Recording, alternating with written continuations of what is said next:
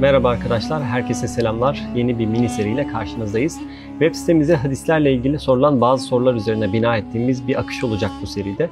Muhtemelen duymuşsunuzdur, hadislere inanmayan, hadislerin kaydedilmesi ve aktarılmasının mümkün olmadığına inandığından dolayı bu dini yaşamak için bize sadece Kur'an yeter diyen bir mentalite var piyasada. Aslında başlı başına mantıksız bir yaklaşım çünkü hadisleri çıkardığınızda bunu savunan insanlar dahi ibadete dair, duaya dair, günlük işlere, muamelata dair birçok şeyi nasıl yapacağını bilemez hale gelir. Fakat yine de bu arkadaşların hadislere ve rivayetlere olan güvenlerini yitirmelerinin önemli ve göz ardı edilemeyecek bazı sebepleri var diyebiliriz.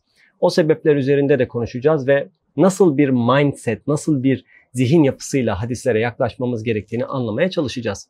Mevzuya ilahiyat yönünden bir hadis usulü dersi olarak yaklaşmıyorum. O daha bir akademik yaklaşım olabilir. Fakat hadis anlayışını pratik mantık ilkeleri içinde modern bir şekilde ders işlemeye çalışacağız. Çok uzatmadan bu hususta sorulmuş ilk soruyla başlayalım arkadaşlar. Soru Artık medyada da çokça karşılaştığımız üzere en sahih hadislerin yer aldığı eserler olarak kabul ettiğimiz Kütüb-i Sitte'de bile belki de konu üzerinde bilgimiz olmadığı için akla yatkın olmayan, ilk bakışta manasını kavramakta zorlandığımız birçok hadis var. Kütüb-i Sitte tamamıyla sahih hadis midir? Bir de söz konusu hadislere yaklaşımımız nasıl olmalı? Cevap olarak arkadaşlar Kütüb-i Sitte'nin ne olduğunu açıklayarak başlayalım. Efendimiz sallallahu aleyhi ve sellem zamanından itibaren her dönemde yazılan hadislerin, hadis ilminin kemal çağı diyebileceğimiz Hicri 2. asrı civarında derlenmiş 6 kitabına Kütüb-i Sitte denir. Hatta bu listeyi 9 kitaba kadar çıkarabilirsiniz. Ama sitte kelimesi 6 anlamına geliyor. Fakat farklı listeler olduğu için toplamda 8-9 kitap oluyor. İlk 5 tanesi bütün listelerde aynı ama 6. kitap olabilmek için tatlı bir yarış var. Bu kitaplardan daha önce veya daha sonra yazılmış çokça hadis kitabı var. Yani ilk iki asır kimse hadis yazmamış da ilk defa bu eserler yazılmış değil. Sadece sistematize olmaları açısından veya tanınmışlık noktasında meşhur olanları bunlardır diyebiliriz. Şahsen üniversite döneminde Kütüb-i Sitte'yi okuma imkanı buldum. Şunu diyebilirim ki beklentilerimle aldığım netice arasında müthiş bir fark vardı. Yani beklediğimden çok çok daha fazla etkilendim ve çok fazla şey öğrendiğimi söyleyebilirim. Bir bakıma şanslıydım da çünkü hadis okumak belli açılardan çok kolay değil. Anlayamadığım çok şey oldu. Hikmetini kavrayamadığım çok şey oldu. Günümüzdeki ortalama bir gencin aklında çok rahat soru işareti bırakabilecek rivayetler vardı ama genel olarak çok rahattım okurken. Mümkün olduğunca çok istifade etmeye ve bazı sorularımın cevaplarını hükümsüz bırakmaya odaklandım. Çok önemsemedim yani vesvese ölçüsüne çıkmadılar hiçbir zaman. Sonra da zaman içerisinde gerek güvendiğim kişilere bu soruları sorarak gerekse daha sonra işte Riyazü Salihin tarzında benzer ölçüde hadis kitaplarını müzakereli okurken birçok soruma cevap bulduğumu düşünüyorum. Fakat olabiliyor. Hayattaki her sorusuna hemen cevap isteyen insanlar ciddi vesvese içine düşebiliyorlar. Bu bir bakıma günümüzde bilimin, 21. yüzyıl kültürünün, akademiyanın geldiği noktada doğruya ulaşmanın tek metodunun bu yollar olduğu düşünüldüğü için yani bir şey ya mantıklıdır, ispatlanabilir, kolayca cevaplanabilir yahut saçmadır, doğru değildir gibi bir düşünce. Ama fizikle çok yakından ilgilenen biri olarak söyleyeyim bilim bir hususta sebeplerin kesinlikle açıklayamadığı fenomenler gördüğünde vesveseye düşmüyor. Bilimden ve bilimsel metodolojiden şüphe etmiyor. Bir örnek vereyim. Derdim fizik dersi vermek değil ama olayın ne kadar mantık dışı olduğunu gösterebilmem için anlatmak istiyorum. Mesela hızla hareket eden elektronlar çok ilginç bir davranış sergiliyorlar. Oluşturdukları şekillerin meydana gelebilmesi için bir elektronun aynı anda birden fazla noktada bulunabilmesi gerekiyor. Bu tabii mantık ilkelerine aykırı. Bir şey aynı anda birden fazla yerde bulunamaz. İşte bunun nasıl olduğunu incelemek için çok kuvvetli kameralarla bunu kaydetmeye çalışıyorlar.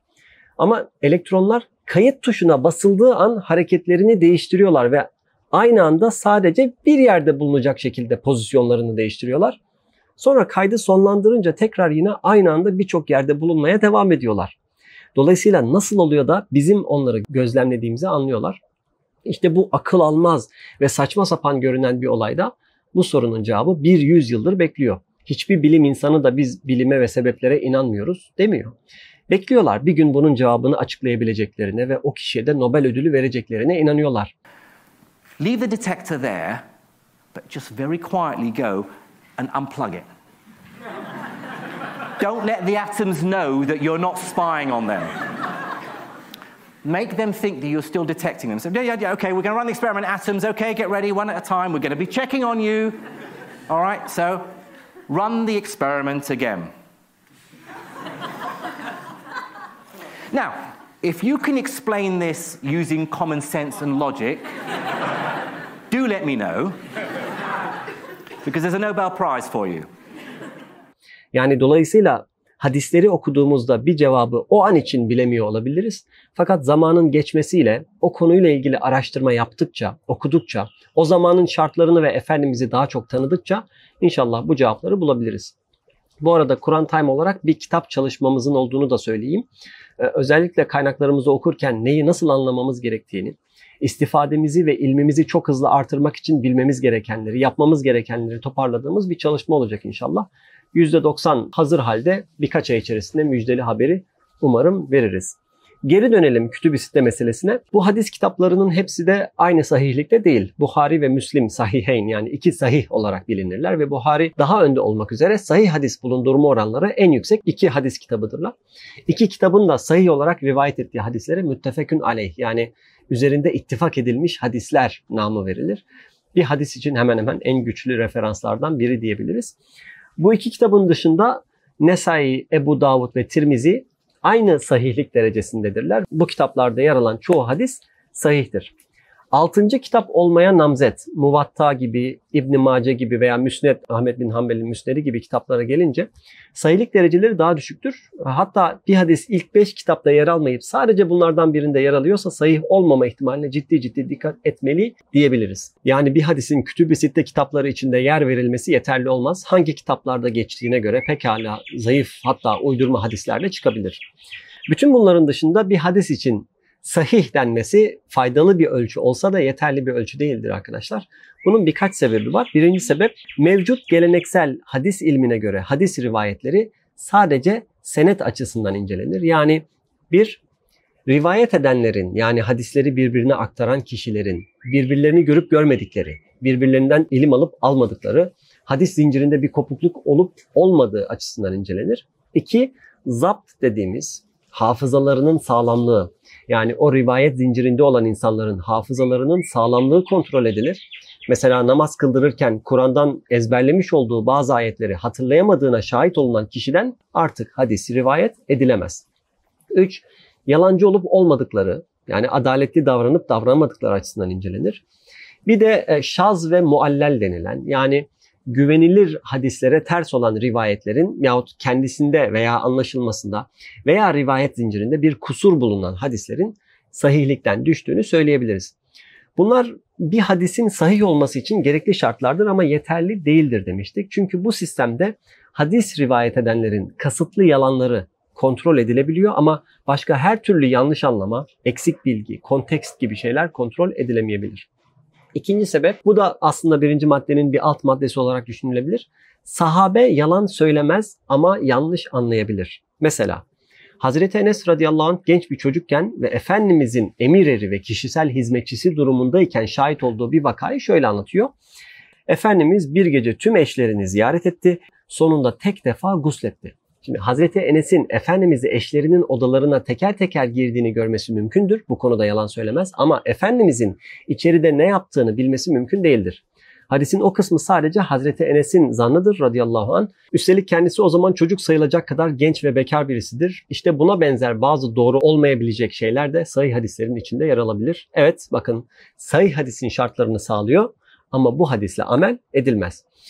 Şimdi sahih denilen her hadisin aslında sahih olmayabileceğinin üçüncü sebebi bu çerçevede bilhassa alim kişilerin yani çok konuda çok şey anlatmış kişilerin ister sahabe olsun, ister tabi'in olsun, ister sonrakilerden olsun rivayetlerinde şu problem yer alabiliyor arkadaşlar. Bu insanlar vaazlarında, sohbetlerinde Efendimizin sözlerini aktarıyor. Ama bunun dışında başka şeyler de anlatıyor, nasihatler veriyor. Dolayısıyla anlattığı ve aktardığı bazı şeylerin de Efendimiz söyledi zannedilip aktarıldığı oluyor. Mesela alimlerin sarf ettiği mürekkep mahşerde şehitlerin kanıyla tartılır sözü. Anlam olarak bir hakikati barındırabilir. Efendimizin alimlerin üstünlüğüyle ilgili hadislerine baktığınızda bu sözü makul bulabilirsiniz. Ama senet açısından yani sahihlik açısından çok problemli ve kusurlu bir söz. Peygamber Efendimiz böyle bir şey dememiş. Muhtemelen bir alimin bir vaazında veya kitabında geçen bir ifadenin yanlışlıkla hadis olarak aktarılmasıyla başlamış bir hata. Günümüzde bile hadis olarak rivayet edilir. Açın Facebook'u bakın. Veya meşhur olan başka bir misal. Men arefe nefse fakat arefe rabbe. Nefsini bilen Rabbini bilir. Zaten karmaşık bir söz. Herkes farklı farklı anlayıp anlatıyor. Bir de hadis olduğu zannıyla dinlenilirse daha da karışıyor insanın aklı. Veya meşhur ashabım yıldızlar gibidir. Hangisine uyarsanız hidayete erersiniz. İşte Habibim sen olmasaydın kainatı yaratmazdım gibi sözler. Bakın manası yanlıştır demiyoruz. Orası tartışılabilir. Sadece bu sözlerin Peygamber Efendimiz tarafından söylendiğine dair elle tutulur hiçbir delilin olmadığını. Dolayısıyla Efendimiz söylemiştir diyemeyeceğimizi ifade ediyoruz. Bunları şu yüzden söylüyorum. Bazen bu tarzda hadisleri görüp şüpheye düşen insanlar olabilir. Bizler de açıklama yapma gereksinimi duyabiliriz. Ama çoğu zaman daha kolayı ve o insanları rahatlatacak şey bu sözlerin en başta sahih hadis kriterlerine uymadığını söyleyebilmek. Bediüzzaman bir yerde dünya öküz ve balığın üzerindedir mealinde hadis olduğu ifade edilen bir sözü açıklarken ilk söylediği şey aslında bunun sahih olmadığı, İsrailiyat kaynaklarından aktarılmış bir söz olduğu gerçeğidir. Sonra hadi diyelim ki hadis olsun o zaman da şöyle şöyle manalara gelebilir diye açıkladığını görüyoruz. Aslında dikkatli bir incelemeyle bunları ayırmak mümkün. Ama Böyle çalışmalar ya tam yapılmamışlar ya da pek meşhur olamamışlar. Hadis diye bahsedildiği halde aklımıza yatmayan çoğu söz bu gruptadır diyebiliriz. Yani aslında onları Efendimiz sallallahu aleyhi ve sellem söylememiştir. Bazen de İsrailiyattan ve Arap kültürünün hikaye ve atasözlerinden bu şekilde hadis zannedilen çok şey var. Dördüncü sebebe geçelim. Maalesef hadis ilmi de subjektif bazı düşüncelerin tesirinde kalmış. Mesela normalde çok dikkatli davranan bir hadis aliminin sırf kendi hocalarından veya kendi mezhebinden diye o kişilere ekstra güvenmesinin de etkisiyle aslında zayıf bazı kişileri veya hadisleri sahih saydığı veya en azından sahihmiş gibi naklettiği olmuştur. O yüzden bir hadis imamının bir hadisi sahih olarak göstermesi bazen yeterli olmayabilir arkadaşlar. Bugünlük bu kadar yeter. Serimizin ikinci videosunda hadisleri anlamada bize yardımcı olacak 10 kaideden bahsedeceğiz. Görüşmek üzere.